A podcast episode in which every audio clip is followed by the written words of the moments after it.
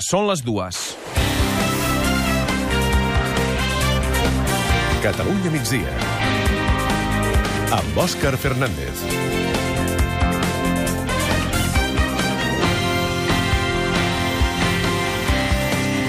Finalment, el dia sense cotxes no ha suposat un col·lapse a les entrades de Barcelona més enllà dels problemes més o menys habituals. Tot i que l'Ajuntament de la ciutat xifra en un 4% la reducció del trànsit, la sensació que en queda és que ha agafat el cotxe més o menys la mateixa gent que l'agafa habitualment. Segurament els que no poden arribar a la feina en transport públic perquè el temps que haurien de dedicar-hi no els surt a compte. Perquè més enllà de la polseguera que aixeca una jornada com la d'avui, especialment en els dies previs, l'autèntica manera de reduir el trànsit privat a la ciutat és millorar-ne el transport públic. Arribar al centre de Barcelona en tren des de Vic, Manresa o Tortosa és una aventura.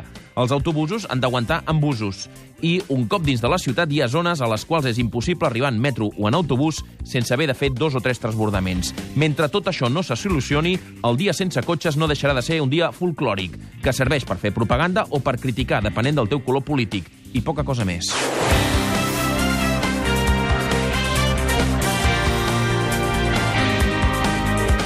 Catalunya migdia. Amb Òscar Fernández.